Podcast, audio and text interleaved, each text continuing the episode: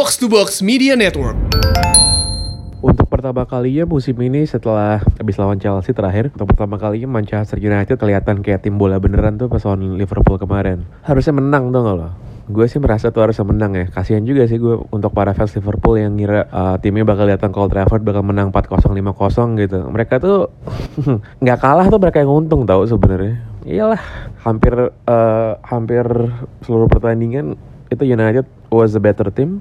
Tapi emang apa menurut gue oleh Gunnar Solskjaer tuh main apa game yang di zamannya buruk banget sih. Karena udah udah bagus-bagus di press terus sejak awal pertandingan sehingga Liverpool nggak nyaman dan bener-bener menurut gue gue nggak pernah lihat press seintens itu sih uh, musim ini dari Man United. Itu sampai sampai Van Dijk ditabrak-tabrakin juga sama James sama Andres Pereira yang menurut gue man of the match itu Andres Pereira sih kemarin. Gokil.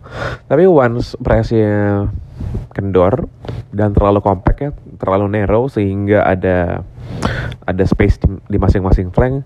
Nah di situ tuh uh, dua fullbacknya Liverpool yang pada hampir seluruh pertandingan sebenarnya dapat tekanan terus dan gak leluasa untuk nyerang mereka bisa dapat uh, ruang. Dan bener kan? Karena dari crossingnya Andy Robertson yang sebelumnya dapat bola dari siapa? Dari Nabi Keita kalau nggak salah. Dan dengan defense yang buruk di dalam box ya jebol gitu. Cuman itu penampilan yang encouraging yang menurut gue akhirnya kayak tim bola beneran ya. Bukan kayak bukan kayak apa namanya anak-anak SSB yang baru lulus ujian. Menurut gue nih harusnya bisa jadi fondasi yang bagus untuk ke depan. Tapi with, with Man United you'll never know sih. Ntar bisa lawan Norwich uh, next week kalah lagi itu bisa aja sih. Tapi paling tidak it's a very very good performance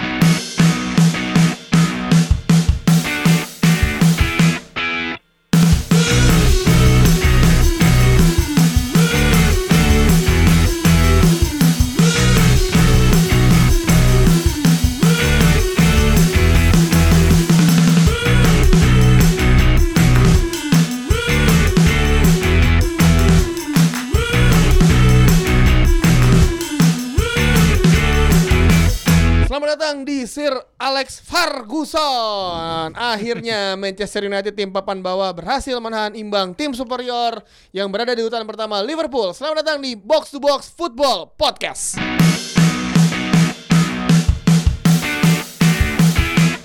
Assalamualaikum warahmatullahi wabarakatuh. Waalaikumsalam. Waalaikumsalam. Wah, uh, dua suara yang berbeda dari biasanya. Hmm. Harusnya Coach Justin datang, tapi dia ada berita duka dan harus uh, terbang ya, ke Surabaya dadakan. Iya, pamannya meninggal dunia. Hmm, Lu bayangin duka. kan, umur Coach Justin 52.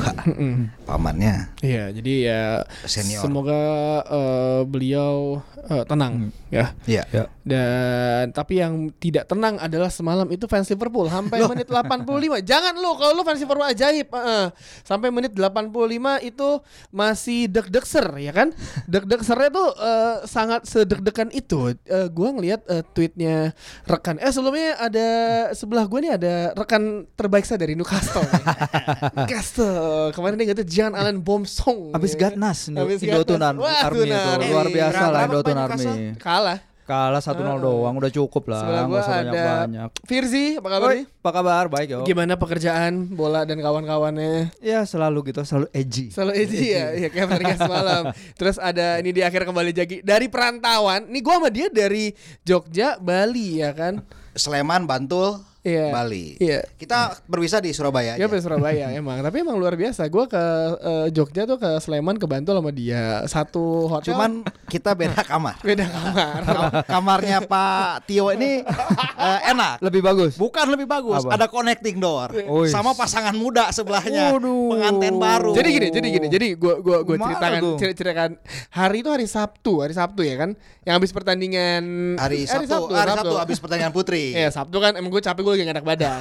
Sikat aktifat sama imbus. Mau tidur dan niat buat mau ah. tidur ya kan. Terus malam minggu di Jogja sebenarnya bisa keluar ya ah. kan. Uh, joget-joget kecil tuh bisa. bisa. Tapi saya tidur. Tapi saya terbangun kayak sekitar jam 2 Suara-suara. Ada ah anjingnya apa nih? Oh ternyata connecting door orang honeymoon, honeymoon mana yang mesen kamar pakai connecting door yang Gua gak tahu. Jadi sebelum gue tidur tuh uh, di ruangan sebelah itu hmm. ramai kayak ada temennya bertiga, dua cewek okay. satu cowok lah. Karena keren ngomongnya. Okay. Wah ngomongnya wah logat uh, ramai lah ya. ya. ramai lah ramai. Yeah. Dan dia malam berubah mendesak. Ah, I see. Kayak aci ini gue kayak di film-film film-film Hollywood ya dengerin orang terus gue tidur ya kan udah terus pagi-paginya lagi sih kaget repeat order ya kan gue nggak tahu tuh siapa Nambah tahunya. tapi buat yang Berarti lu sufi loh. Tidak tertarik untuk ngikutin. Apa? Sufi loh udah jadi levelnya. Ya gimana ya tertarik kalaupun tertarik nanti saya lawannya masa guling saya di, di Jakarta jadi eh, ada Kang Jalo dan juga Virzi nih yang menemani gue eh, Pangeran dan Justin seperti biasa Pangeran lagi sibuk kayaknya. Eh, dari kemarin nggak pernah bisa dan Mau IPO katanya asumsi ya. apa? Asumsi mau IPO soalnya. mungkin ya. Terus Justin juga ya dadakan masa Justin datang. Tapi ada dua pandit terbaik nih. Ini kalau ngobrol tanpa Pangeran Justin biasanya lebih lama dibandingin ininya. Karena lebih detail tanpa ada emosi.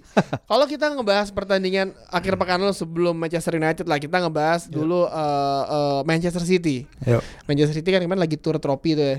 Yup. Legend- legendnya datang Paul Dikov Poldikov. Poldikov lagi udah empat kali dia datang. nggak bosen nih Ya itu Iya, dia. ya ambasadornya itu doang sama kayak Liverpool datengin Robbie Fowler semalam dua Kiok. Iya, Dua iya. dia. Iya. Itu dua Kiok, Riese, Riese. Riese, Nah, Riese MU, MU. MU, Iya, dua- MU dua dua. Ha. Kalau oh, jadi gua kemarin ngirim pertanyaan buat si Paul Dikov. apa tuh? Dari 10 pertanyaan 7 dicoret.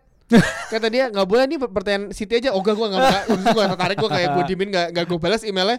Gak tertarik gue untuk untuk nanya yang lain.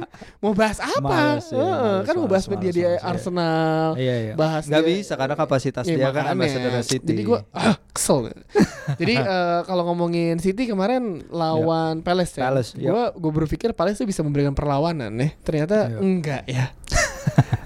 Eh, awalnya aja. Tapi kan kalau kita lihat ya sebenarnya City juga nggak tampil full tim. Bahkan untuk dia make Rodri dan Fernandinho di back tengah menurut gue tuh ya Wah, itu ajaib sih. Itu picknya Guardiola, Iya. itu pick Guardiola banget sih. Dan bagaimana dia ngontrol pertandingannya walaupun dia dia kontrol pertandingannya bagus banget sih. Hmm. Cuman ya kita lihat eh, ada ada satu momen sih sebenarnya yang bikin gue menarik pertandingan itu yang ketika Sterling lari mundur Oh, iya. hampir satu lapangan Heeh. untuk ngejar Wilfred Zaha, Nekel dan kena lah itu bagus banget sih Sterling musim ini gue suka banget cara Sering bermain. Dari musim lalu sebenarnya sih kan. Udah kegerat-geratan aja dia. Iya, gerat gerat. Gerat, gerat kan kalau ngejar pemain sampai kepleset dong. belum, belum, belum belum aja. belum. Iya, iya, Ntar musim akhir akhir musim ini kepleset gimana terus nggak juara. Eh, sus, jangan jangan ya. Nah, Terus kan? Enggak, kalau gue sih ya menarik ya. Memang Ya. VAR ini musim eh apa akhir pekan lalu menjadi perbincangan hangat sekali ya. Kita nggak bahas dulu yang terjadi di eh, MU Liverpool yang sebelumnya juga kan Tottenham sama City juga ada kasus VAR Iya, kan. iya. Yang City itu si De Bruyne ya yang waktu didorong. Tapi Oh, ternyata iya, nggak didorong. penalti. Ah. Terus yang Tottenham juga tuh beruntung kan nggak Iya. apa namanya? Dianulir. Leicester juga ada ya Leicester Burnley yang didorong Johnny Evans. Nah, iya Leicester Burnley. Iya. Ya ini ya memang sih pasti akan jadi pro kontra VAR sih ya. Nah, Inggris nggak cocok lah pakai VAR. Belum bisa gua rasa. Hmm. Kenapa belum bisa maksud lu tuh? Apa? Yang begitu aja kelakuan salah mulu. Kadang yang bener disalahin, yang salah dibenerin. Wasit-wasitnya. Sebenarnya interpretasi wasitnya sih karena kayak VAR tuh sebenarnya kalau di Piala kemarin di Piala Dunia gue di sana tuh itunya bagus banget eksekusi Parah kan? dan lain-lain. Parah kan, bagus. Bagus, eh, itu tepat pilihannya. Masalahnya di Inggris itu mereka kan nggak pakai monitor di pinggir lapangan itu kan. Nah, itu dia. Jadi semua kondali VAR itu ada di Ruangannya. London, di ruangannya, tapi eh, keputusannya itu diserahkan ada majority decision itu Di wasit. diserahkan ke wasit yang di Iya. lapangan. Tapi wasit di lapangan kan nggak bisa lihat apa yang dilihat oleh wasit VAR gitu Iya. loh. Ya susahnya gitu. Ke- tadi malam Danny Mills ngomong di BBC kalau dia bilang ya ini di VAR conference sudah dijelasin bahwa eh, kita nggak ada televisi di dalam eh, di pinggir lapangan karena takutnya orang tuh pada ngerubungin gitu loh, pada Yeah. udik-udik gitu ta- pada ngasih tekanan pressure ke wasit. Nah, makanya eh, oleh karena itu itu salah satu alasannya di tidak ditiadakan eh, kamera f- layar seperti di Piala Dunia kemarin dan juga kan di beberapa bioskop nggak ada videotron gedenya gitu kan makanya Bioskop Stadion, stadion kali. stadion. Ngomong Stadion. Bioskop. Bioskop. Bioskop. Iya, stadion. Enggak, Gak padahal ada layar gedenya itu yang jadi Kenapa nggak pakai smartphone ya? Eh smartwatch, smartwatch kan bisa dilihat dari sini gitu ada Ah. oh video bisa gitu kan. Oh, canggih banget, Kang. Canggih Heeh. banget. Nggak, emang nggak nggak ada ya? Belum sampai sana. Yang eh, eh, yang iPhone 4 Belum eh, iPhone sampai belum, sana. belum Belum, sampai, belum ya? sampai sana. Baru gambar doang ya. Baru gambar doang. Iya, menurut Iya. gue sih kayak gitu ya. Yang cukup aneh sih, apakah orang Inggris kampungan gitu Iya. ketika ada ada TV semua pada pengen ikut nonton gitu Iya, ya. iya, iya. Iya. Tapi tapi emang maksudnya VAR tuh dari awal musim memang eh, sebenarnya dari musim lalu kan Inggris nggak ada VAR kan dramanya lebih ketai kan. Iya. Cardiff salah satu jadi korban yang paling telak Oh, ya iya. musim lalu kan. Terus musim ini kan eh, VAR ada tapi dengan segala keajaibannya Hmm. wasitnya juga kadang dia ya, nggak- ya bener juga kata Virsi nggak bisa ngelihat apa yang Iya. terjadi kan jadi kayak buat apa juga sebenarnya. Iya kayak si Klopp kan ngomong, ini kayaknya kalau nggak ada kalau ada VAR jadinya bukan pelanggaran tapi kalau coba deh kalau Atkinson ngelihatnya itu tanpa VAR yang Ah, si benar. si Origi dilanggar Lindelof Iya, itu Origi mungkin dilabrak si Atkinson Lindelof, akan iya. menjatuhkan bahwa itu pelanggaran namun karena adanya VAR jadi dibilang ya bi- go ahead aja. Iya, jadi ya, ya kan gol juga. Terus di kemarin itu ada pertandingan eh, City udah eh, yang menarik nih adalah si mana sih tim kesayangannya Jalu nih? Lihat PLS dong. Peles. Bukan Peles, bukan Peles. Tottenham lawan Watford lah. Bukan tim Imbang. gua juga Aduh. itu. Itu itu si Spurs apakah emang lagi ada masalah di dalam eh, eh, eh, maksudnya internal mereka apa gimana sih? Ya, itu kan alasan yang dipakai si Poch ya pada Ah. awal-awal ya. Dia bilang Erikson unsettled, the Alderweireld unsettled, Danny Rose mau dibuang tapi nggak jadi unsettled juga. Cuman Hmm. masa berlanjut terus sih? Ini aneh aja sih maksudnya untuk seorang pemain dengan kapasitas dia gitu yang bisa bawa tim ini ke final Liga Champions. Hmm. Dan habis itu ini pemain-pemain yang dia semua loh dia, Bener, bener, dia yang bener. handpick, dia Ah. yang pilih dan kemarin-kemarin nggak ada apa-apa Eh, dengan segala performa yang dia tunjukin sejauh ini sih I, I don't think dia bakal bertahan lebih lama lagi sih Poch. Ya let's say katakanlah November atau Desember lah bisa jadi eh, ya bulan-bulan terakhir. Ole and him lah. Oleh enggak lah, oleh enggak lah. Ntar kita kita bahas eh, MU tuh. Tapi kemarin siapa pemain mudanya yang baru yang Spurs bagus tuh? siapa Spurs? Bek kanan? Bek kanan ini si.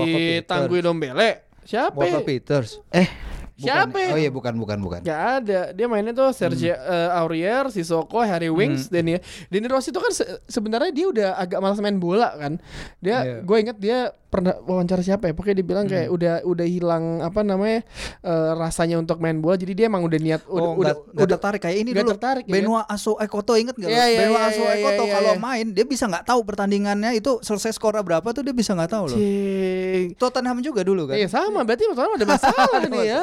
Kayak dulu kan David Bentley juga pensiun muda gara-gara dia udah iya. udah ya karirnya berantakan terus maksudnya dia juga udah nggak udah nggak Iya. tertarik sama sekali sama sepak bola. Jadi kan dia berhenti juga kan. Tapi eh, lihat dari eh, Spurs yang harus main di Liga Champions juga. Abis itu kan sebelumnya mereka Hmm. dibantai itu sama eh, 27 Bayern. sama Bayern Munchen. Jadi ini menjadi sebuah catatan yang menarik dari Poch setelah dibantai sama Bayern Munchen tuh sepertinya kekacauan makin menjadi sebelumnya udah kacau tapi setelah Bayern Munchen tuh makin menjadi jadi nih nggak?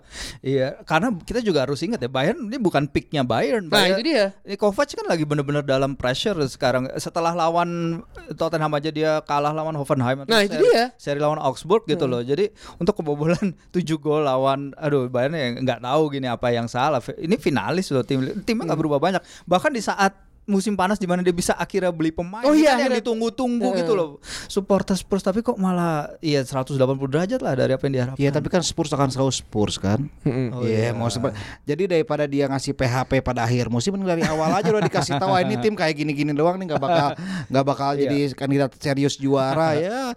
Jadi ini mungkin supaya fans langsung bersikap realistis lah, nggak usah terlalu ini. Hmm, sangat realistis sekali sih. Spurs imbang satu sama, sama sama Watford ada satu pertandingan eh, kalau dibahas. Sorry nih Zi kalau dibahas. Aduh. Chelsea menang 1-0 lawan Newcastle nih. No, eh, karena it's okay sebenarnya karena XG-nya Chelsea itu 2,4. Jadi sebenarnya Chelsea bisa aja menang 3-0, cuman ya ada kalah 1-0 nggak apa-apa lah, Ya, ya, ambil ya. lah biarin Ya, untuk takut akhir juga Marcos musim. Alonso pula lagi. Iya, Eh. Marcos Alonso nggak ada yang punya juga kan di tim fantasi. Tapi gua di- Kampret lo ya. kalau Abraham Mason Mount kan Tapi gue ditipu sama artikelnya si Virsi, Timu Puki di Oh, Timu Pukki. bagusin apaan? bilang- Nggak ada nggak cetak gol. Dia golin tapi buat Finlandia. Abis itu eh, rentetan Ah. pertandingan dia abis ini masih bagus ya. Sih- gue hancur minggu ini. Loh, ya gua aja 18 poinnya kan. Gue belum gue cek sih kayak males gue Gue ngeliat. males, kok. males cek baru tadi siang Udah busuk aja. kayak udah udah busuk. busuk, udah busuk, busuk semua minggu lalu sih gue masih bagus. tuh. Iya, ini kan eh, Chelsea eh, yang yang kalau si Justin bilang sejak awal musim walaupun dibantai sama si United sudah memperlihatkan lini depan mereka sebenarnya tajam kan. Lini belakang yang mesti diper- eh, diperbaikan dan Frank Lampard dengan tidak punya banyak pilihan, nggak nggak ada pressure juga. Maksudnya lo nggak bisa beli pemain eh, baru yang dia mau, jadi mau nggak mau memainkan pemain muda yang pernah ya yang mungkin dia kenal juga ya kan. Iya si blessing in disguise-nya justru mereka punya motivasi tinggi kan akhirnya Iya. berapa kan peringkat keempat ya cuma di bawah Leicester kan Iya. poinnya sama kalah selisih gol ya menurut gue sih eh, apa yang dilakukan Lampard di Chelsea ini udah yang terbaik lah dalam artian lu bayangin aja hanya bisa da- eh, Kovacic cuma dipermanenkan Iya. kan Hmm. ya dengan Si Perisic emang udah beli dari Untung Janu- banget. Ada- eh, Januari. Pulisic, Pulisic. Eh, sorry Pulisic. Pulisic. Eh. Ya jadi ada bahkan nggak bukan tempat utama juga ya. Hmm, Tapi iya, menurut nggak gue sih bisa. memang ketika di bawah Lampard banyak apa namanya pemain-pemain muda Chelsea yang asalnya berstatus pinjaman Hmm. justru mendapatkan Iya. tempat dan akhirnya bisa mem- membuktikan diri kayak Mason Mount, Iya. Temi Abraham, Tomori juga dia pemain Tomori- muda. bahkan Fikayo Tomori aja Tomori. dipanggil timnas kan. Iya. Gara-gara penampilan luar biasanya Iya. ya menurut gue sih Chelsea bisa melaku- eh, akan melakukan something lah. Tapi gue ingat ya Mourinho pernah bilang si apa eh, pelatih Chelsea yang memainkan pemain mu- eh sampai ada pemain muda kan ini tim Iya. tim muda ini kan juara Liga Champion, juara eh, F- eh, FA Youth kan, Iya. Youth Cup juga. Kalau ada eh, pelatih Chelsea yang nggak bisa. Bisa. mainin Iya. atau nggak nggak bisa promosiin pemainnya, berarti pelatihnya goblok aja karena emang di luar maksudnya di luar nalar pemainnya bagus-bagus gitu ya kan. Kalau Hudson Odoi, Iya. eh, Mason Mount, Temi Abraham, Iya. Ruben Loftus-Cheek juga badannya segede gitu ya kan. Semua. Ya, Ya, tapi masalahnya Lampard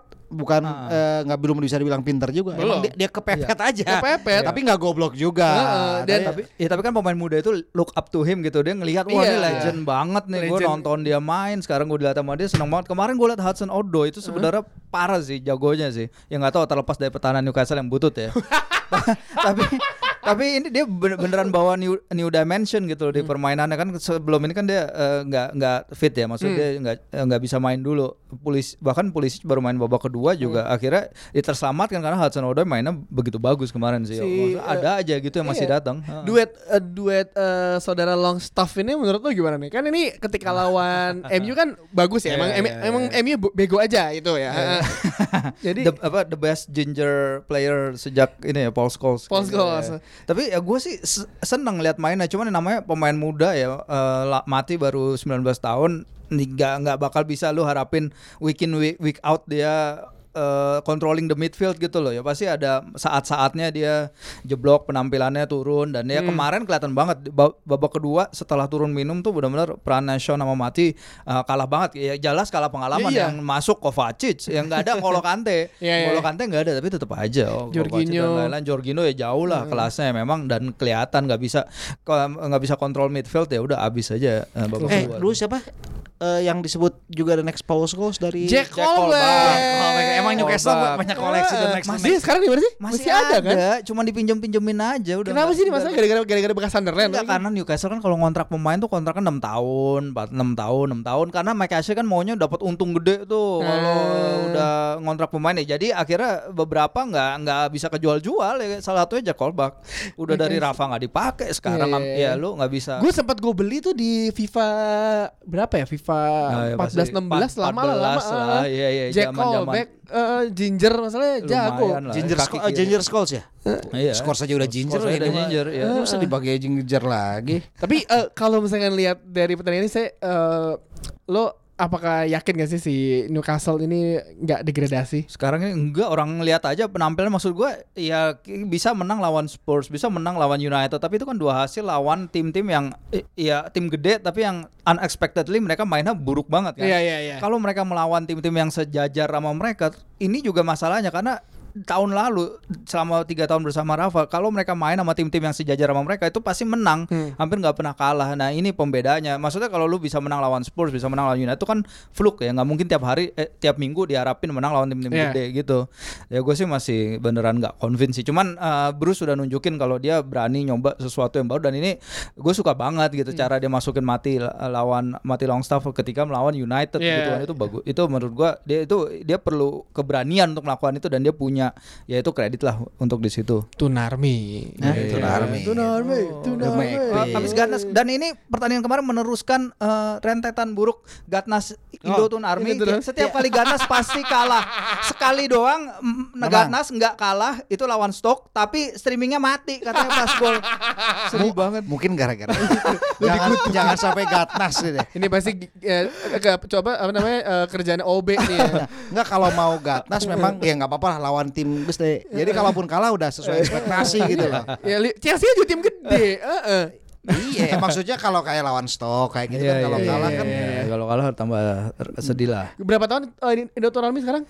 Ah, mereka 96 97 awal. 96, Udah lama loh. Udah lama. 22 tahun Iya, berarti. udah lama. Old school. Gue punya tem temen. uh, gue tahu chance-nya Newcastle gara-gara dia. Stone. Hah, apa? Stone. Bukan. Ada satu lagi temannya Omson juga.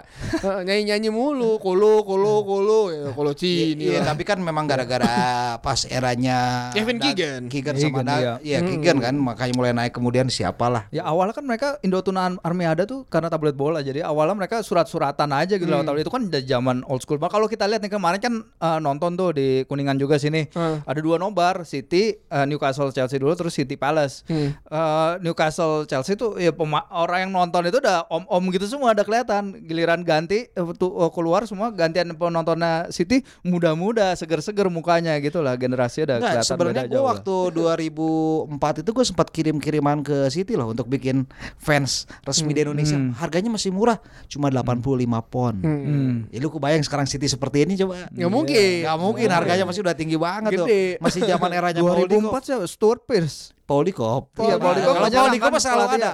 Eh, Paul Dikop tuh udah ke yang keberapa ya? Itu peri- periode keduanya kali ya.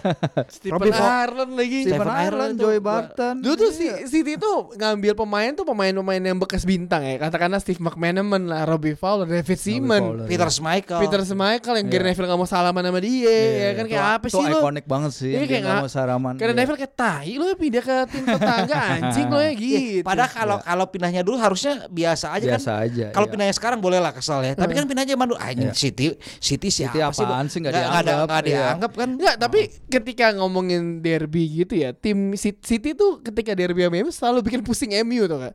Dari dari dari pas mereka masih jelek pun juga kayak derby juga sama iya, eh, sama kayak Liverpool Everton kan. Iya, yang selalu bikin eh, gemes gitu sama seperti ya kalau kita bilang eh, Liverpool lagi bagus-bagusnya, MU lagi jelek-jeleknya. Ini kan hitungannya kan udah kayak eh, pertandingan yang udah ya mendarah daging kesel ya, gemesnya udah mendarah daging ya kan. Eh gue santai kok. Lu doang kayaknya. gue pasti gol kan gue langsung nulis tuh kan benar kata gue. Udah gue santai aja denger, dengerin. Gue nggak nggak sampai nonton, cuma dengerin aja. Hmm. Karena gue udah tahu nih hasilnya. Emang emang lagi ngapain kalau boleh tahu tuh? Lagi ngapain gue lagi ini anak gue kan lagi lagi nih naboin anak gue. Oh iya lu gak di Bali, gue kira lu di Bali. Gue lagi di Bandung nih. Eh. Gue udah tahu orang-orang pada pasang gue gila MU gue sih. Tuh gue pasang sih ini paling maksimal seri Liverpool nggak bakal menang. Eh, emang emang Klopp susah. Klopp, Klopp itu kan rekornya sangat buruk kan Iya, main nggak di Old Trafford kan, nggak nggak pernah menang kan. Jadi eh, kalau ngomongin si United lawan Liverpool, gue sebagai fans MU sebelum pertandingan tuh udah pasrah. ya. Aduh. ya Nah ini ya. Gue tuh paling gak suka sama orang fans fans MU yang kayak gini. Pasrah pasrah. Gue justru ngasih tahu, lu harusnya yakin pada pertandingan ini. yakin terus kan itu Boy, kalah. eh kalau lawan yang lain boleh lu yakin salah. Kalau lawan ini lu, lu harusnya percaya gue. Iya, gue gue tahu Kang, tapi gini, misalkan eh, lo ngelihat bagaimana tim lo ya kan, Iya. i- yang cedera berapa banyak, ya, eh DK aja sampai akhirnya main tuh gue kaget, wih dia main, ya kan, Eh Luke Shaw nggak ada, Anthony Martial ada di bench, Eh Paul Pogba nggak ada, blessing eh, blessing in disguise ya nggak ada Paul Pogba, kemarin mainnya jadi lebih menarik. Eh, Tuan ZB aja pas warm up Iya, cedera. itu Iya. itu pasti cedera. Cedera, iya. Ini apa sih tim gua anjingnya udah udah udah udah bikin gemes sendiri. Yang masuk Marco Rojo pemain back Argentina yang panggil timnas karena Argentina gak punya back lagi, ya kan? Iya. Lu bayangin aja. Jadi lu bah- bahkan Romero tuh masih kiper utama Iya. Arge- eh, kiper utama timnas Argentina aja kiper cadangan MU. Lo ya sta, biarin aja. Kiper kiper utama Chile juga kiper cadangan City. Iya. Ya, lu nggak usah ini. Enggak, tapi kalau gue sih udah dari dari apa ya? Dari sebelum itu gue udah udah yakin nih. Ini gue lu sebagai fans Liverpool, lu nggak boleh eh, yakin di atas lima- 60% bahwa tim lu bisa menang pada pertandingan kali ini yo. Gua nggak tahu udah firasat gua dari melawan lawan MU ini udahlah. Gua kalau misalnya kemarin gue bilang nih kalau misalnya lawan MU ini Liverpool menang kemarin 90% Liverpool akan juara Liga Inggris. Hmm.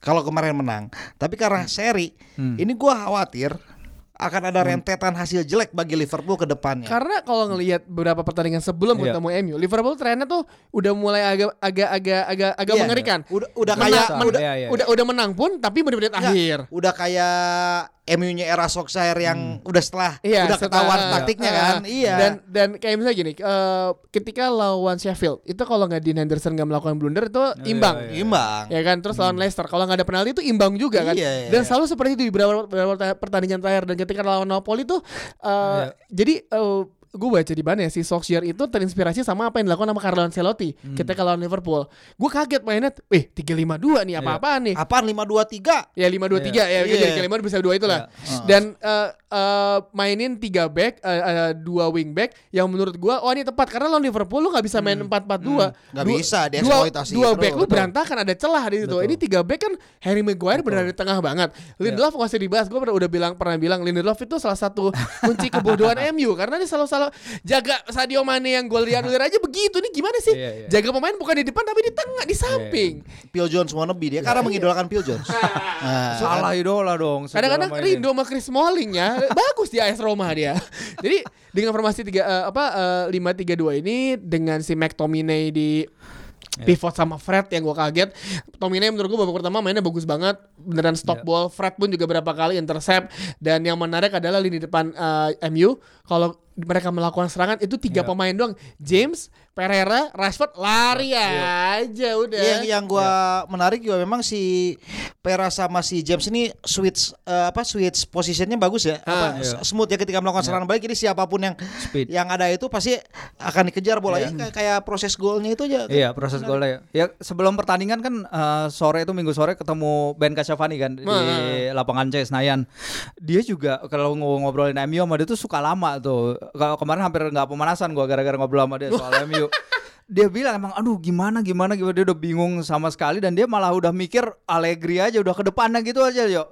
Dia udah mikir udah udah oleh udah lewat aja lah. Karena Terus em- emang banyak ya udah berpikir, banyak yang ngomongin Allegri Heeh. akan datang kan. Tapi eh, surprise surprise ketika pertandingan mulai dengan formasi akhirnya dia berani ngubah formasi kan. Jadi tiga back ini surprisingly skema dan formasi ini akhirnya berubah gitu loh di Iya. masanya oleh si orang-orang yang di si orang-orang yang menjuluki dia eh, guru olahraga. Ini akhirnya dia punya keberanian juga untuk coba sesuatu yang Iya. baru. Dia bilang kita eh, punya tiga back tengah yang bagus mereka punya tiga striker yang bagus. Kenapa nggak kita adu aja? Setelah Iya, pertandingan dia ngomong gitu di BBC jadi emang akhirnya eh, yang namanya split forward ya. Jadi S- Rashford ke kiri eh, dan si James ke kanan di- diisi posisinya oleh Pereira di tengah it works gitu karena memang Rashford bukan number 9 dia selalu Yap. bilang itu eh, Jose Mourinho kemarin di Sky juga bilang eh, ki- saya nggak pernah lihat Marcus Rashford sebagai number 9 dia selalu bagus sebagai sayap kiri Eh, atau iya. sayap kanan Andres Pereira tuh nggak pernah bagus kalau main di sayap kanan Asli. ratingnya di Husport itu selalu 6,2 6,3 jelek banget Karena Tapi emang posisinya kan CAM kan, heeh. Iya, Ya posisi kemarin gelandang bagus serang, banget. kan? Ya kemarin ya dia ada beberapa momen yang dia kayak rada maruk aja sih mau nembak yang seharusnya dia bisa ngoper tapi Iya, ada Bissaka, dia bagus James banget. 0-0 dan- iya. Ya, tapi yang menit-menit akhir tuh dia punya kesempatan nembak tuh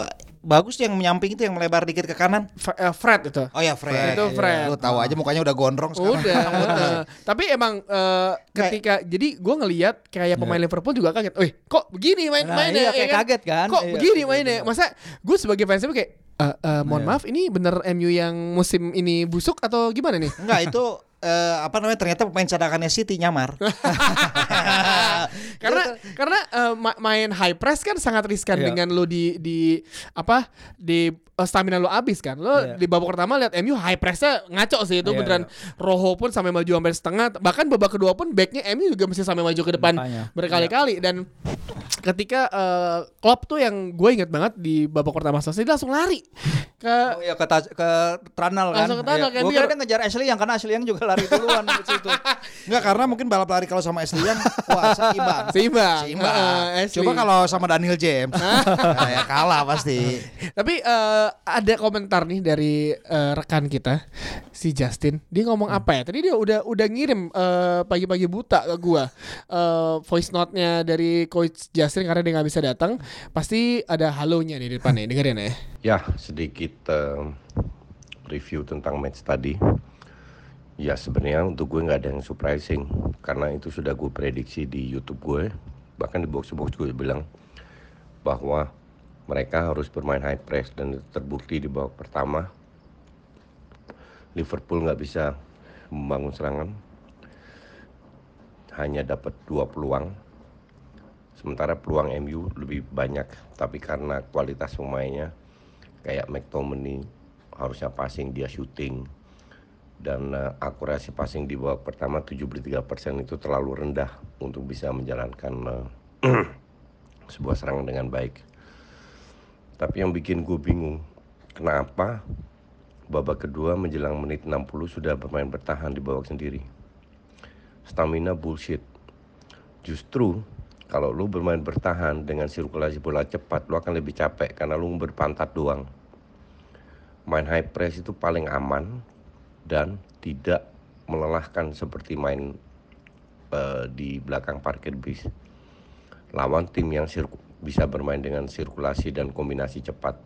Karena semua tim yang bermain bertahan itu selalu eh, jebol lawan Liverpool. Tapi ya Ole mungkin bisa belajar dari match ini. Dia harus lebih percaya dan pemain lebih percaya terhadap kapasitas masing-masing dan lebih tenang lagi. Harusnya MU pelan-pelan bisa bangkit. Kasihan MU berada di papan bawah terus. Gue pengen MU bersaing lagi di enam besar. Oke. Thank you all. I see you when I see you. Ya elah bijak banget ngomongnya tumben anjing. tumben banget bijak lu coach. Elah bangun tidur pas itu lu. Nggak mikir apa-apa dulu, tumben bijak anjing. Memang coach Jesse emang selalu kayak gitu kan. Apa? Kalau gitu dia, gue agak kaget kemarin dia pas yang episode yang terakhir dia mendukung MU. Dia bosan ngelihatnya. Ya, kadang ya gua nggak nggak nggak gua nggak ini dah.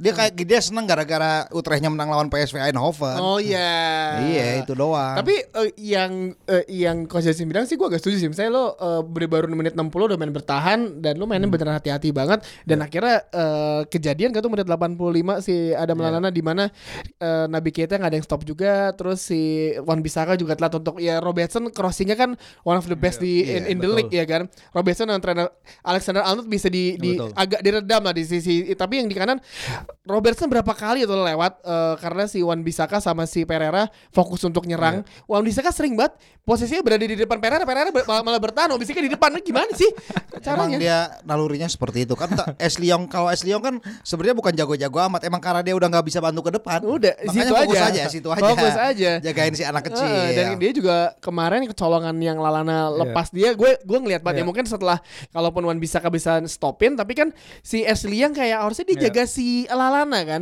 Ketika Lalana gerak tanpa bola terus dia ngelepas gitu diem aja kayak ya Allah. Iya kan namanya ya elah ini pemain pemain cadangan ini gua gua dia ya gue ya nggak yakin Ya, gue lah, bakal nggak bakal masukin kayak kalau kata. Yong ya elah ini cedera mulu pemain nih udah biarin aja. Eh ternyata Gol terakhir kan Mei 2017. Iya, gawang MU juga. Iya, kan iya. gawang MU juga yang bikin seri kan. Itu dia lah. jadi ya eh, iya eh, 29 bulan gak nyetak Makanya. Cedera mulu gimana mau main Iya. Heeh. Gol apa Golden Boy Club ini siapa? Adam Lallana. kesayangan. Dia tuh mau bikin eh, Lallana tuh kayak Marco Reus. Bahkan dia gantinya Henderson loh.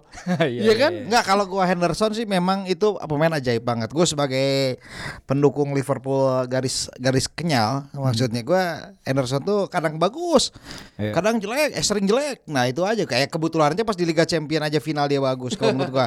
Jadi banyak yang langsung muji-muji karena sebenarnya pemain ini kan tidak menonjol sama sekali ya. Kalau Iya. kalau gua lihat di lini tengah masih ada menurut gua Nabi Keita, si Wi- Wijnaldum sama si siapa? Fabinho menurut gua lebih pantas bahkan Milner pun menurut gua lebih pantas untuk memimpin lini tengah. Dan kemarin kan Fabinho akhirnya memberikan salam eh, sel- apa selamat datang kepada Danny James ya di Liga Inggris Di- dita- ditabrak cuy kena muka ya kan tapi emang Iya, iya. ketika Danny kayak pas udah menit 70 gue menyadari bahwa pemain MU grogi ini pengalaman Iya. sih bener oh, kalau kata Jason bilang ya ini bocah terus kayak ke- eh, babak pertama lah ini baru diserang sama si Mane dan kawan-kawan mau apa Marco Rojo sama apa Scott McTominay udah grogi ini gimana cara jaganya pressingnya juga ngaco kan tapi ketika pas babak kedua kita lihat bagaimana para pemain MU tuh apa dap- dapat bola lempar ke Danny James lempar terus Iya, Danny semua James. Biar lari aja lari lari aja. aja sana. Yang Strateginya pokoknya semua dari James. Danny Nah, James Makanya sebenarnya Man United untuk main low defensive block kayak gini nggak tahu sih bisa uh, sustainable apa enggak Iya. karena ini kan yang bikin Mourinho keluar kan. Iya. Dan dia kemarin hanya nyatetin 22% possession, 22% possession di rumah lawan melawan Liverpool. Ah. Yaitu pick Mourinho juga. Ah. Tapi kemarin kalau kita lihat uh, pass accuracy-nya bahkan cuma 59% loh. Salah Jelek passing banget, mulu itu. Salah passing mulu. Ya bukan depan salah mulu. passing karena Ta- kan gini kalau umpan jauh Iya. terus ke Daniel James kan Makanya peluang suksesnya kecil banget. dapat. dapat. Tapi ada plus side-nya adalah mereka bisa mencegah Liverpool untuk babak kedua kan Liverpool perlu, perlu ngejar Iya. gol tuh. Tapi mereka baru nyatutin tembakan on target itu menit ke-77. Iya iya iya. Dan sayangnya tembakan on target berikutnya ya langsung masuk Langsung gitu masuk. Lalana tadi. Tapi overall kalau misalnya Ashley yang rada eh, bangun dikit lah ketika op- karena dia bisa lihat loh itu whole defensive line itu di depan dia Itu gitu loh. bisa banget. Ya, tapi salah Marcos Rojo juga tiba- kenapa tiba-tiba dia step up ke Iya, depannya kan itu dia. Ya, itu dia Ya, masalahnya memang ini eh, pemain belakang utama. Dikit lagi, yang kasihan temen gue fans MU tuh menit 83 apa 2 menit sebelum gue dia bilang ini kayaknya eh, dia lagi ngonobar kan sama temannya dia ngomong ke temannya sebelahnya ini kayaknya titik balik kita deh musim ini. Iya. Gue gue udah gue udah jangan jangan ini yang dilawan Liverpool. Ya, ya bener titik balik seri lawan Liverpool dalam kondisi seperti Iya. ini menurut gue sih Iya. udah bagus bahkan sih oleh sendiri mengakui ini akan bisa menjadi turning point kami gitu lawan Partizan besok. Dan si apa eh, Marcus Rashford juga bilang kita harusnya menang. Mereka tuh nggak nggak nggak layak menang ngomong gitu kan.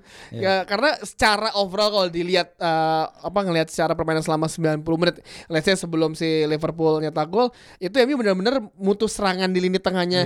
Eh, Liverpool yang kita tahu umpan-umpannya si kayak Fabinho, Naby Keita bahkan Jordan Henderson pun juga itu yang bisa, bisa membahayakan. Karena kan wingback Liverpool selalu maju ya kan? Iya. tren sama si ini. Tapi ada sa- satu kemarin gue baca eh, gimana posisi Hendo agak ke kanan seperti kayak Kevin De Bruyne jadi agak lebih sedikit mengganggu pergerakan Alexander Arnold di kanan ya kan jadi eh, mungkin instruksinya seperti itu kali karena si Hendo kan kalau ditaruh jadi jangkar berantakan tuh berantakan. semenjak dipindah baru bagus kan itu timnya kan Ya tapi eh, dipindah juga nggak maju-maju amat. Dulu kan Iya. sempat jadi sayap kanan juga tuh. dia serba bisa kayak Steven Gerrard Yo, aja Dicoba-coba. Dulu kan dia nomor 10 di Sunderland. Heeh. Dia pengatur serangan loh dulu. Eh, Bisa. Iya tapi ya itu gara-gara dua fullback naik gitu kan jadi ada kalau istilahnya passing behind enemy lines. Nah, Nah, kan itu yang yang dimanfaatkan oleh MU dalam serangan balik kan. Ya, itu yang dieksploit aja ini harusnya jadi pelajaran juga. Ya menarik lah si MU lawan Liverpool.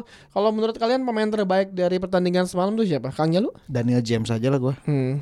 Kalau gue sih Andreas Pereira tetap. Andreas karena gue ini, ini orang kayaknya bagus tapi kok awal-awal musim jelek ternyata cuma karena dia ditaruh di kanan sama ditaruh tengah Iya, iya. bedanya bener-bener Jauh ya? langit dan bumi coy. Gue Bisa ngeliat kayak gitu. ada umpan dia yang kayak beneran Gopirda Oh yang nendang crossfield asal itu kan ternyata, ke Rashford. Ke Rashford ya, Heeh. makanya nih orang kok bisa kayak gini Oh ternyata ini ya. bagus lah masuk timnas Brazil nih gue rasa nih. Bisa. Gue Denny James sih. Daniel James gue. Beneran bocah ini eh, bermain sepenuh hati dengan menggunakan jersey MU lah terlihat. Iya. Ditabrak jatuh bangun lagi, lari terus aja nggak apa. Bandel kayak Dani, eh, Daniel James Daniel Domines. Nah, dia- itu Dennis bang. ya bikin baru aja Daniel Domines Ya. gitu kan.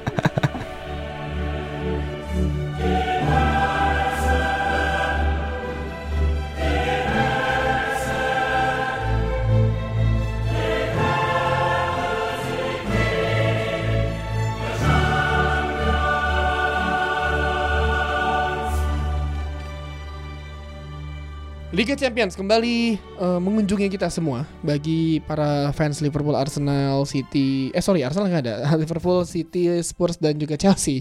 Buat eh, fans MU dan Arsenal Liga malam Jumat aja. Kita nggak bahas itu karena MU menang Kang. lawan Partisan menang lah. Lawan par- la- kalau lawan Partisan doang menang. Kalau lawan apa eh, politikusnya belum tentu. Oh, iya. kalau lawan Partisannya menang. Ya ya ya ya ya. Bodoh amat. Dan yang menarik di midweek ini eh, jangan lupa nonton saya. Saya siaran tanggal 24 tuh ada palingan ada Ajax itu atau eh gua absen yuk. Nggak bisa yuk. Gantiin lu. Iya, eh, Lucy. jaga kandang. Di maksudnya jaga di rumah gua karena Iya. Terus eh, pertandingan pertama yang kita bahas, Kang. Ya kita kita pilih big match big match aja. gua sih Dortmund Inter coy Dortmund Inter bagus nih pas lu siaran kan soalnya Pas kan gua siaran. Ah, jadi harusnya jadi jadi lu ngomongin sekarang jadi supaya ntar pas siaran Iya, jadi gua tahu. Jadi ngapalin geng Napoli doang jadi kalian kalian berdua eh, jelasin aja deh, saya dengerin. Nah, jadi eh, menurut eh, Kang Jalu, Inter kan lagi bagus nih. Tren tren lagi Yes. positif ya kan. di Liga Italia Di Liga. Italia. oh di itu melawan Praha aja seri Iya. Dortmund di Bundesliga tuh biasa aja biasa aja. Emang biasa. Ya, kuat di di Bundesliga kan lagi ya. yang di atas Gladbach kan. Iya. Iya. Ya tapi kan di itu bisa nahan imbang Barcelona kemudian ngalahin Inter kan kemarin. Iya. Eh ngalahin siapa? Praha ya. Hmm. Iya, menurut gue sih ini akan menjadi ujian Conte yang sesungguhnya ya karena kan si ya praktis Inter di bawah Conte belum pernah menang di Liga Champions. Ya. Nah ini melawan Dortmund, kadangnya siapa ya? Kadangnya Dortmund ya? Inter kayaknya. Hah? Yakin lu? Dortmund Inter kok? Eh ya karena Inter, ini menjadi Inter, kesempatan iya. bagi dia meraih apa namanya meraih kemenangan pertama. Ini akan menjadi sangat menarik karena kalau misalnya menang, persaingan akan semakin ketat nih grup Iya. ini karena kan ada Dortmund, Barcelona sama Slavia Inter Milan. Praha. Ah. Slavia nggak usah dibahas lah. Itu juga hal yang aneh ketika imbang lawan Inter Milan pada laga pertama sih menurut gua. Ya sebenarnya juga Inter ketika kalah lawan Barcelona kan sebenarnya ya mereka bisa mimpin lebih Wah, dulu itu- Lautaro Martinez. Antonio Conte mainnya dari belakang gawat sih itu Iya, ada iya, satu iya. satu momen yang tek set bisa nggak pemain Iya, Barca yang- nggak bisa megang yang sampai dipotong jadi eh, viral itu kan Iya, ada kan di sosmed makanya dan mereka kan bisa sebenarnya bisa eh, bisa golin gol kedua di pertandingan itu kalau bukan Bisa. karena Ter Stegen yang bikin save eh, keren banget tuh dari Lautaro jadi memang eh, kalahnya juga karena Messi ya again jadi nunjukin dirinya pemain terbaik yang dia dribble setengah lapangan Nah. itu kan Messi tuh seberapa berapa lama lagi sih Kang bisa menjadi terbaik di Barcelona atau nggak menjadi tulang punggung keluarga lah? Heeh. Ya gua sih nggak tahu ya kalau ya gua, ini kan orang banyak yang suka membandingkan Messi sama Ronaldo lah. Hmm. Ya. Mana yang lebih baik? Kalau secara talenta jelas Lionel Messi jauh lebih baik lah. Karena Ronaldo tuh eh, ada plus hard worknya yang luar yang besar kan. Iya, karena dia tahu. Nah, tapi karena Messi based on talenta walaupun kita tidak kesampingan bahwa dia juga kerja keras. Ini pasti akan le- mungkin bisa sama dengan Ronaldo saat pensiunnya. Tapi kan perlu diingat Messi itu lebih muda 2 tahun. Iya benar. Ah, ah. Tapi sekarang Ronaldo aja kalau misalkan di tes fisiknya kayak umur 25 tahun. Iya Ya kan? Karena emang dia beneran jaga badannya jaga badan banget. iya. Gue inget eh, wawancara Petrus Evra yang Piala Dunia dibilang, Iya. gue diundang makan siang ke Ronaldo. Yang ada sampai sana cuma makan salad, habis itu diajak main bola lagi latihan. Ini apa sih? Gitu maksudnya segitunya kan. Dan, Iya. dan Messi, Iya. gue nggak ngelihat. Karena yang menarik eh, perbandingannya gini deh, Ronaldo dengan Wayne Rooney. Keduanya tuh cuma beda berapa bulan. Hmm. Iya, iya, iya, Tapi iya. kan kita lihat eh, physical conditionnya Rooney ada alasan kenapa dia dijulukin eh, ini kan waza kan. Ah. Kayak karena gaya hidupnya kayak Gascoigne aja dulu, Lu banyak party, nyelanaknya mabuk bir pasti itu. Iya, Ah. badannya bengkak. Sekarang dia cuma bisa main ya, di mana? ML MLS ya? musim Iya. Januari balik ke derby kan. Nah, makanya jadi eh, sementara Ronaldo still scoring di Champions League gitu Top loh. flight lagi ya makanya kan? top flight. Nah, itu dia. 700 gol total sekarang nih dia pernah Iya, mencetak 701. gol. 701 Kemarin ya? kan satu gol pas Oh iya bolonya. benar, satu gol. Gila ya Ronaldo ya. Hmm. Jadi ya Messi kira-kira ya misalnya kalau kita bahas nih sebelum pertandingan selanjutnya kan lagi Messi lawan Slavia Praha harusnya bisa Iya, lah. bisa. Nih, maksudnya Messi berapa lama lagi nih bakal bertahan di 5 4 tahun lagi? 2 3 tahun lah menurut gue sih. Ronaldo juga pasti juga segitu. Ronaldo aja pasti di 38 sih. Kalau maksudnya di- dia bisa main sampai umur 40, cuman apakah kontribusinya akan sama besarnya? Mungkin Atau- tidak sebesar Sekarang. Enggak sebes, tidak sebesar ini. Kalau sama sekarang sih mungkin ya turunnya decreasing sih pasti. Cuman menurut gua Karena- kalau main di Itali sih nggak bakal kelihatan. Iya, karena pemain-pemain tua itu kalau kita bilang kayak let's say katakanlah contoh paling konkret Ryan Giggs lah. Main sampai 40 tahun, dia kan nggak main tiap minggu kan. Iya, dan Ma- dia ngubah posisinya Ngubah kan posisi. kayak Ronaldo kan. Heeh, Iya, ja- bisa lari. dari winger jadi playmaker, Jadi playmaker, kan. betul. Jadi Iya, tapi gini, kalau masalahnya kalau dia Ronaldo eh, tetap stay di Italia menurut gue sih masih akan punya kans lebih banyak karena di Italia kan banyak penyerang tua kayak Dario Hubner tuh kan, ya kan? Iya kan? Iya, so, lu bayangin umur berapa tuh dia Dario Hubner? Quagliarella aja musim Quag- lalu iya, iya, iya, aja masih bisa loh. Menurut gue sih akan akan bisa lebih panjang makanya dua makanya dua tiga musim lagi usia 38 menurut gue sih eh, akan menjadi peak Ronaldo dalam artian peak sebagai pemain ya, sebagai sebagai pemain senior gitu. Setelah itu pasti dia akan eh, mulai kehilangan tempatnya di tim utama. Dan sekarang kan Messi juga mulai udah mulai cedera-cedera ya. Dulu kan nggak separah itu. Udah bahkan pertandingan lawan Inter kan tuh pertama kali dia jadi starter kan dan setelah cedera-cedera berapa mulu bulan masih gitu. iya bener juga sih selalu pikir Iya. Messi dulu tuh jarang banget cedera sekali cedera ya udah panjang habis itu nggak pernah cedera lagi kan Karena cedera dia di bagian otot yang eh, berkelanjutan gitu. Jadi kemungkinan terjadi terjadi lagi terjadi lagi kalau Otot yang baca-baca gitu sih. berkelanjutan tuh maksudnya otot Ada lagi Ada. cederanya. Oh, bisa ada lagi. Kirain otot yang suka bukan dipakai. Kang Jalu Bukan, bukan, bukan. Enggak, enggak ke situ. nggak nggak ke situ nggak ke situ Enggak, gua kan orang Sunda. ini bukan dua TJ bukan otot berkanjutan kan gitu kan gua ba- dengernya tadi gitu ya itu maaf. bukan maaf. otot berkedutan Iya, itu maksud gua. Dan uh, selain Inter Dortmund, Dortmund kita juga tahu kan eh gua Dortmund Dortmund nih kalau di Eropa suka ya sekarang dia pemain juga nggak jauh beda dengan musim sebelumnya kan. Dortmund itu sekarang gue lagi pakai terus kalau main FIFA, Ya, FIFA loh. 20, gue pakai selalu Dortmund sama kayak Ben Ben Kasyafani Ya. kemarin ketemu juga ternyata dia juga lagi pakai Dortmund terus Apa, karena gara-gara Jadon Sancho ya? Enak banget Jadon Sancho, Torgan Hazard, Julian Brandt. Ya, iya, benar. Tengahnya juga bagus sih Thomas Delaney itu bagus banget. Axel Witsel, Oh iya, fighter Axel banget. Witsel. Thomas Duli. Nah, iya. Thomas tuh. Pemain tengah juga tuh. iya, ya tapi ya Dortmund. Ya Dortmund peringkat 4 apa 5 ya kalau nggak salah di itunya. Tapi ya menurut gua sih yang kuncinya menurut gua akan di Lautaro Martinez nanti. Lautaro Martinez kan minggu lalu ya Bener, nyet- nyetak gol lawan Jerman kan? Pas per- persahabatan dengan Argentina, Argentina. Nah, menurut gua sih akan menjadi kunci lagi apalagi kan kemarin pas menang lawan Sassuolo tuh cakep banget tuh mainnya tuh. Iya. Si Lautaro sama Lukaku, duet ini. juga. Lukaku tuh 4 gol dari 2 match dia terakhir ya, 2 gol ya lawan Ini- San Marino sih. Cuman iya. kan tetap aja gitu loh. Ini apakah emang Lukaku yang lebih cocok main di Itali atau emang formasi yang sangat mengcater Lukaku atau Ya gimana? sih? karena memang Lukaku tipe striker yang diingini Conte sih. Dia ya tahu memaksimalkan dengan karakter pemain seperti Lukaku. Oh ya emang kan waktu itu kan si Chelsea juga mau beli Lukaku tapi Lukaku milik kayak MU kan saat iya, itu kan. mak- makanya kan karena memang di strateginya Conte memang butuh satu striker yang bisa Hmm. nahan bola dengan punya body balance bagus dengan postur menjulang Ya gitu tipikal. Mourinho Mourinho zaman dulu gak sih dengan Drogba-nya? Bisa jadi. Badak kan? ya, penyerang Eh, badak kayak penyerang Costa. badak. Iya. Ya kayak si yang Gary Neville lah bilang tadi malam kenapa si eh, Lukaku dilepas kalau dia mainnya bagus gini di Inter. Sebenarnya bukan salah Lukakunya juga karena eh, Ole ngelihatnya ke depan dia punya a completely different way of playing Iya, gitu loh. iya, Ya kan nggak mungkin main split striker Lukaku suruh lari gitu mungkin. ke pinggir sayap kiri. Karena kalau semalam mungkin. kita ya, lihat udah bagaimana cara oleh bermain adalah ya lu dengan winger cepat. Ini ala MU zaman 90-an lah winger cepat Iya. counter attack crossing ya gitu aja kan. Jadi Lukaku kalau ya main di Inter dengan formasi Conte yang kayak gitu sangat dan juga Liga Italia lah lawan-lawannya selain selain sorry sorry itu saya selain kayak Juventus, Lazio, tim-tim besar iya mungkin kaget kan Lukaku segede gaban kayak gitu ya kan. Iya, apa ya apalagi kan memang ketika kita tahu pertahan eh, gaya bermain Italia dengan yang selalu gerasa backnya selalu main gaprak kan, ya wajar butuh pemain ketika untuk melakukan apa namanya umpan-umpan jauh dan Lukaku itu menjadi sosok yang pas. Itu dia. Dan pertandingan selanjutnya yang bisa kita bahas, wah ini menarik nih. Ajax lawan Chelsea. Ya kan? Ajax Chelsea itu kalau kita bisa tahu eh Ajax lagi bagus ya sih di Eredivisie. Pak eh, peringkat utama, peringkat atas. Peringkat utama. Peringkat utama. peringkat pertama gara-gara kemarin timnya Justin menang 3-0 lawan Eindhoven. Hmm. Jadi beda 3 poin 29-26 kalau nggak salah gue lupa. Ya, ini pertemuan mereka pertama di Eropa kan? Yes. Sebelumnya kan gak pernah ketemu kan dan eh, Ajax tuh pimpinan klasemen kan dua kali menang ya. Ya, 3-0 dua-duanya ya. Iya, lawan Lille sama Valencia. Chelsea itu kalah sekali lawan Valencia kan, kecolongan Yes. tuh di Stamford Bridge. Eh, Chelsea itu menang di kandang Lille kan? Iya. Terakhir itu juga menang tipis ya. Tapi kalau ngelawan Ajax yang kita tahu Ajax kalau di Liga Champions mainnya beda banget. Apa yang sama, sama seperti yang mereka mainkan di Eredivisie itu beda banget kan.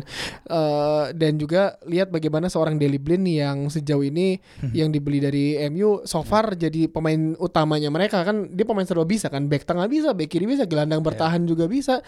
Tapi Ajax yang selalu memainkan Dusan Tadic sebagai striker kalau di Liga Champions melawan Chelsea yang juga memiliki lini depan ugal-ugalan menurut kalian nih apakah bakal main terbuka atau Chelsea? Iya seperti biasa aja udah.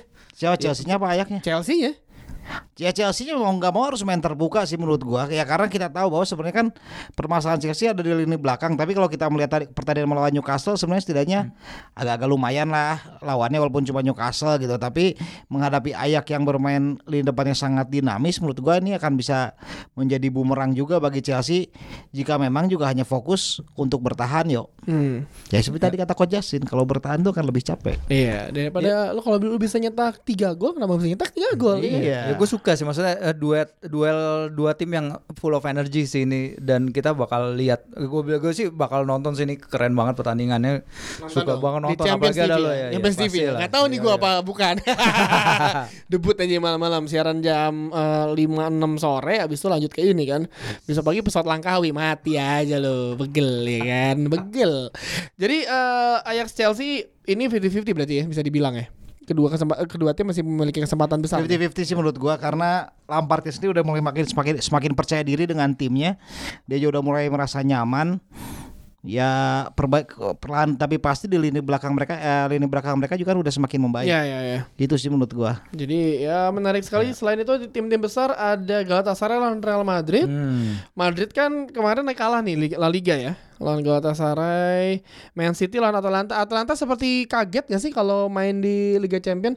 Nah, ada yang bilang Atalanta malah fraud katanya. Ternyata malah fraud. Jadi bagusnya di liga doang. Nih sempat ada perdebatan gitu nih kemarin. Bener kan nih fraud apa apa emang dia punya real deal gitu loh. Tapi sejauh ini sih belum kelihatan gitu Ini loh. serem juga ya. Ah, tapi orang-orang bilang ya masih bisa ada eh, kesempatan mereka untuk balik karena eh, grupnya masih rada Ya, ya, ketat ya. kan walaupun mereka kebobolannya udah 6 ya paling banyak ya. Tapi emang di ini. musim lalu pun Atalanta udah memperlihatkan bagaimana mereka dengan mudah kebobolan 3 gol tapi mereka dengan gampang bisa mencetak 4 gol.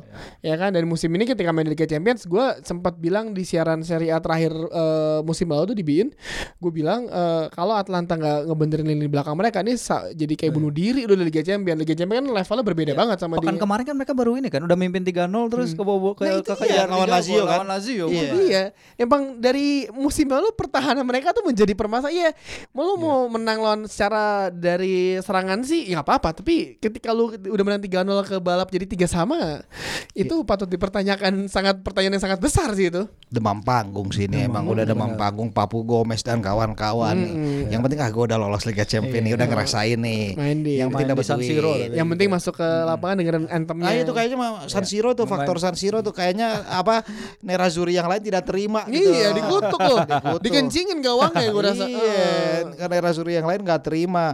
Tapi ya lawannya juga City sih Iya, waktu expect dan kita lihat juga kemarin tadi seperti kita bahas juga City kemarin pas lawan Palace tidak menentukan skuad utamanya karena memang fokus utama City menurut gua ada di Liga Champion ini. Karena eh, bisa gue bilang kalau misalkan City udah amanin tiket lolos ke babak selanjutnya ke Liga Champions, mereka bisa lebih fokus di Premier League karena mereka Yes. mengejar fokus Premier League kan karena eh, November Desember adalah fase tersulit bagi klub-klub Inggris di domestik dan di eh, Eropa kan. Iya, tapi City itu kemarin justru lar ngebutnya itu di Desember Januari Februari kan Iya, ketika menyalip Liverpool kan di situ. Ketika Liverpool turun dan ini Ah, Liverpool juga jadi permasalahan apakah mereka bisa eh, eh, nggak nggak melakukan kesalahan yang sama seperti musim lalu kan. Kita tahu musim lalu kan mereka udah unggul 10 poin ya Kang. 9. 9 poin kan. Bis itu kebalap, kebalap, kebalap, kebalap dan ya udah plus satu dari City kan. Hmm. Iya, apalagi kan ya tadi kita bahas pada segmen 1 hasil lawan MU ini bisa mempengaruhi mental mereka. Iya, tapi ya di sisi lain kalau memang para pemain Liverpool emang ini justru menurut gua kemarin kekalahan kemarin blessing disguise untuk bisa lebih baik ke depannya. Tapi ya kembalilah kalau gue sih Liverpool udahlah nggak usah mikir treble winner atau apa, udah fokus Premier League aja kalau mau juara. Iya. Eh, karena kan kalau udah tiga Liverpool Kemarin Champions bosen. kan udah kan. Liverpool bosen lah juara champion mulu. ada ada jatahnya lah. Iya, coba ber, apa namanya diskusi dulu lah sama Pep gitu.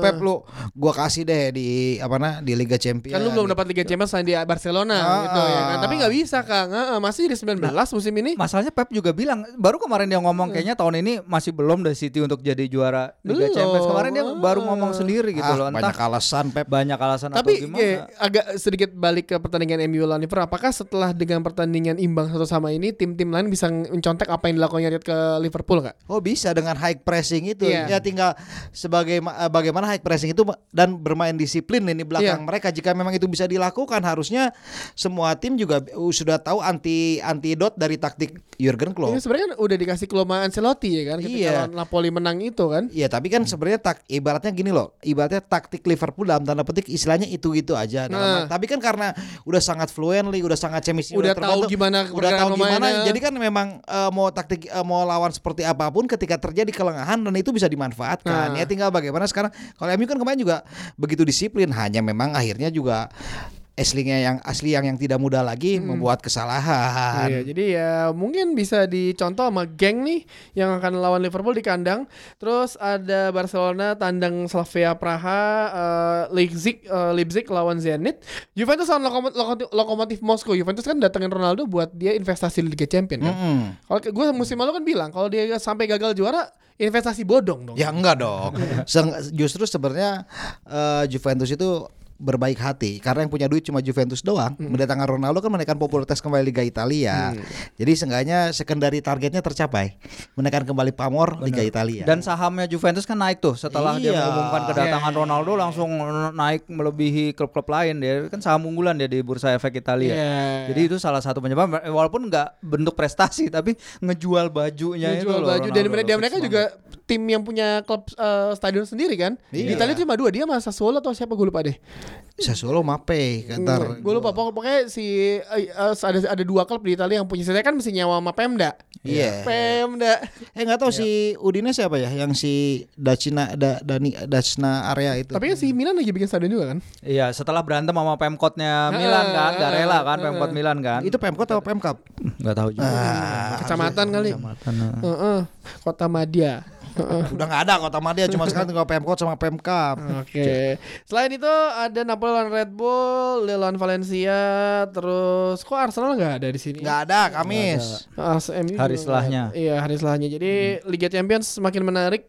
Eh, ngebut-ngebut ya nih. Kan sebelum break, break itu dia November ya? Eh, di- tujuh delapan sembilan eh, t- tujuh tanggal sebelas terakhir. Match day 6 tuh tanggal 11 Desember.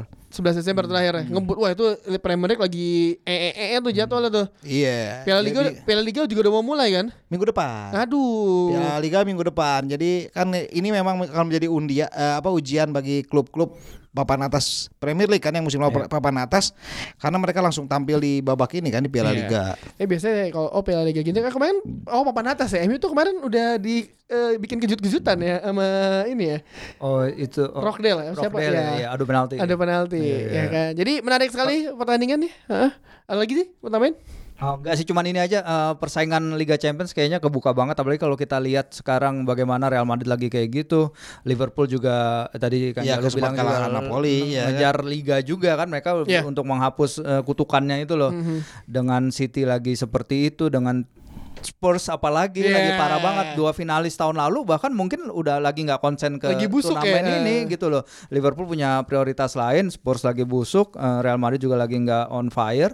Jadi benar-benar tahun ini sih lebih terbuka daripada tahun-tahun sebelumnya. Jadi sih yang menarik sebenarnya ini tim-tim dalam tanda petik aneh ya yang meraih hasil poin sempurna PSG, Bayern Munchen. Oke lah Bayern Munchen ada karena terus City, City oke lah yang nggak aneh. Juventus saja kan kehilangan poin. Jadi yang cuma 6 poin itu cuma satu lagi Ajax. Hmm. Berarti emang sangat-sangat terbuka tapi gue yakin sih Juventus harusnya punya kesempatan lah untuk tahun ini. Harusnya ya. Harusnya Masuk final besok kalah lagi. Eh, tergantung tergantung lawannya. Kalau lawannya Zenit di final, Iya bisa. Kalau enggak kalau kayak waktu itu lah lawannya Porto sama Porto Monaco, Monaco, anjing. iya kan? Itu gue sebagai pekerja tabloid dulu rugi banget tuh nggak bak- nggak bakal jualannya susah itu aja. susah. bikin nobar juga siapa yang mau nonton? Iya, lu bayangin itu pokoknya tahun 2004 tuh tahun sial bagi para pekerja tabloid olahraga. Yunani. Satu lagi Yunani, Yunani, Portugal. iya, iya. Ronaldonya belum bisa dijual, Pak. Ronaldo baru ya. Ya, Ronaldo baru cuma lepas gara-gara lepas baju doang. Ya, tetapi secara itu enggak lah. Ya, nggak mungkin nih, nggak mungkin ada kayak gitu nih. Nggak mungkin lah, jangan sampai pasti Eva juga mikir anjing nih rugi. Udah lu gue mending kasih duit ke klub kulit aja lah buat kalah lah. Gitu. Ajax Juventus bisa nggak? Ayak Juventus bisa. Hmm. Ya kalau Ayak Juventus berarti pengulangan 23 tahun lalu. Hmm. Ajax City. Ayak City. Enggak lah Ayak kayaknya gua gua nggak yakin nih. Ajax Coba kalau lu lihat deh, lagi, setiap ya. semifinalis tahun sebelumnya pasti ada yang gagal lebih cepat. Iya iya Iya. Selalu ya. Selalu ada yang gagal lebih cepat. Oh, ya udah kalau gitu terima kasih sudah mendengarkan Box to Box Football Podcast. Thank you Kang. Sama-sama. Thank you sih. Sama-sama. Sampai jumpa di episode selanjutnya. Bye bye.